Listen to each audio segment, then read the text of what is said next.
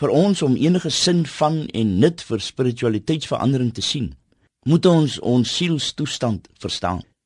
Die profete vertel herhaaldelik van ons sondige toestand. Byvoorbeeld Jeremia hoofstuk 17 vers 19 lees: "Die hart is bedriegliker as enigiets anders. Hy is ongeneeslik. Wie kan hom verstaan?" Paulus skets die kondisie van die mens in Romeine hoofstuk 3 vers 10 tot 18.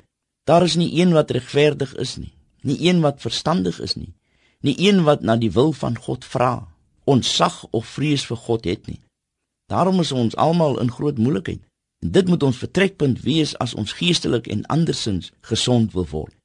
Een van die wonders en selfs moeilik gloobare, maar tog geloofwaardige boodskap van die Christelike godsdienst is die waarde wat dit plaas op die siel.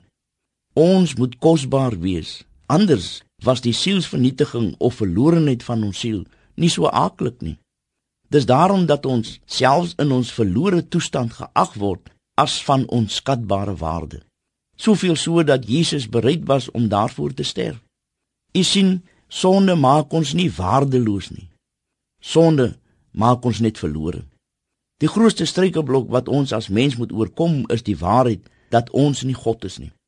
Wanneer ons God speel in ons eie lewe en oor die van ander se lewe, dan begin ons God ontken, verraai en verloon. Wanneer ons die lig van God uit ons hart verban, word ons verstand eintlik disfunksioneel en gou volg ons dan ons gevoelens, emosies en sensasies. Daarvan kan ons lees in Romeine 1 vers 21 tot 22. Ja, wanneer ons nie meer interaktief met God leef, word die liggaam die middelpunt, dikwels van plesier en aanbid die mens die skepsel eerder as die Skepper. Die hoekom word dan vervang met hoekom nie? En die uitkoms is 'n mens vol ongeregtighede En daarom moet ons vra, wat beteken dit om verlore te wees? Ek dink dit is om uit plek uit te wees, om oorgeslaan te word. Die ek kom in die plek van God. En so dink ek mis ons die hemel deur aan te hou om God met die ek te vervang en so voortdurend van God te vlug. Spirituele formasie word nie gegee as opsie. Moet nie iets wees wat ons wil byvoeg by ons Christelike lewe nie. Dit is wat ons as Christene veronderstel is om te openbaar of te weerspieël.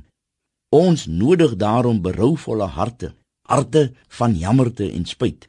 Ek dink dit is die eerste stap terug na God, na 'n lewe van spirituele transformasie. Daarom kom ons bid saam. Here, U ken alles. U ken my hart. Reinig en heilig my.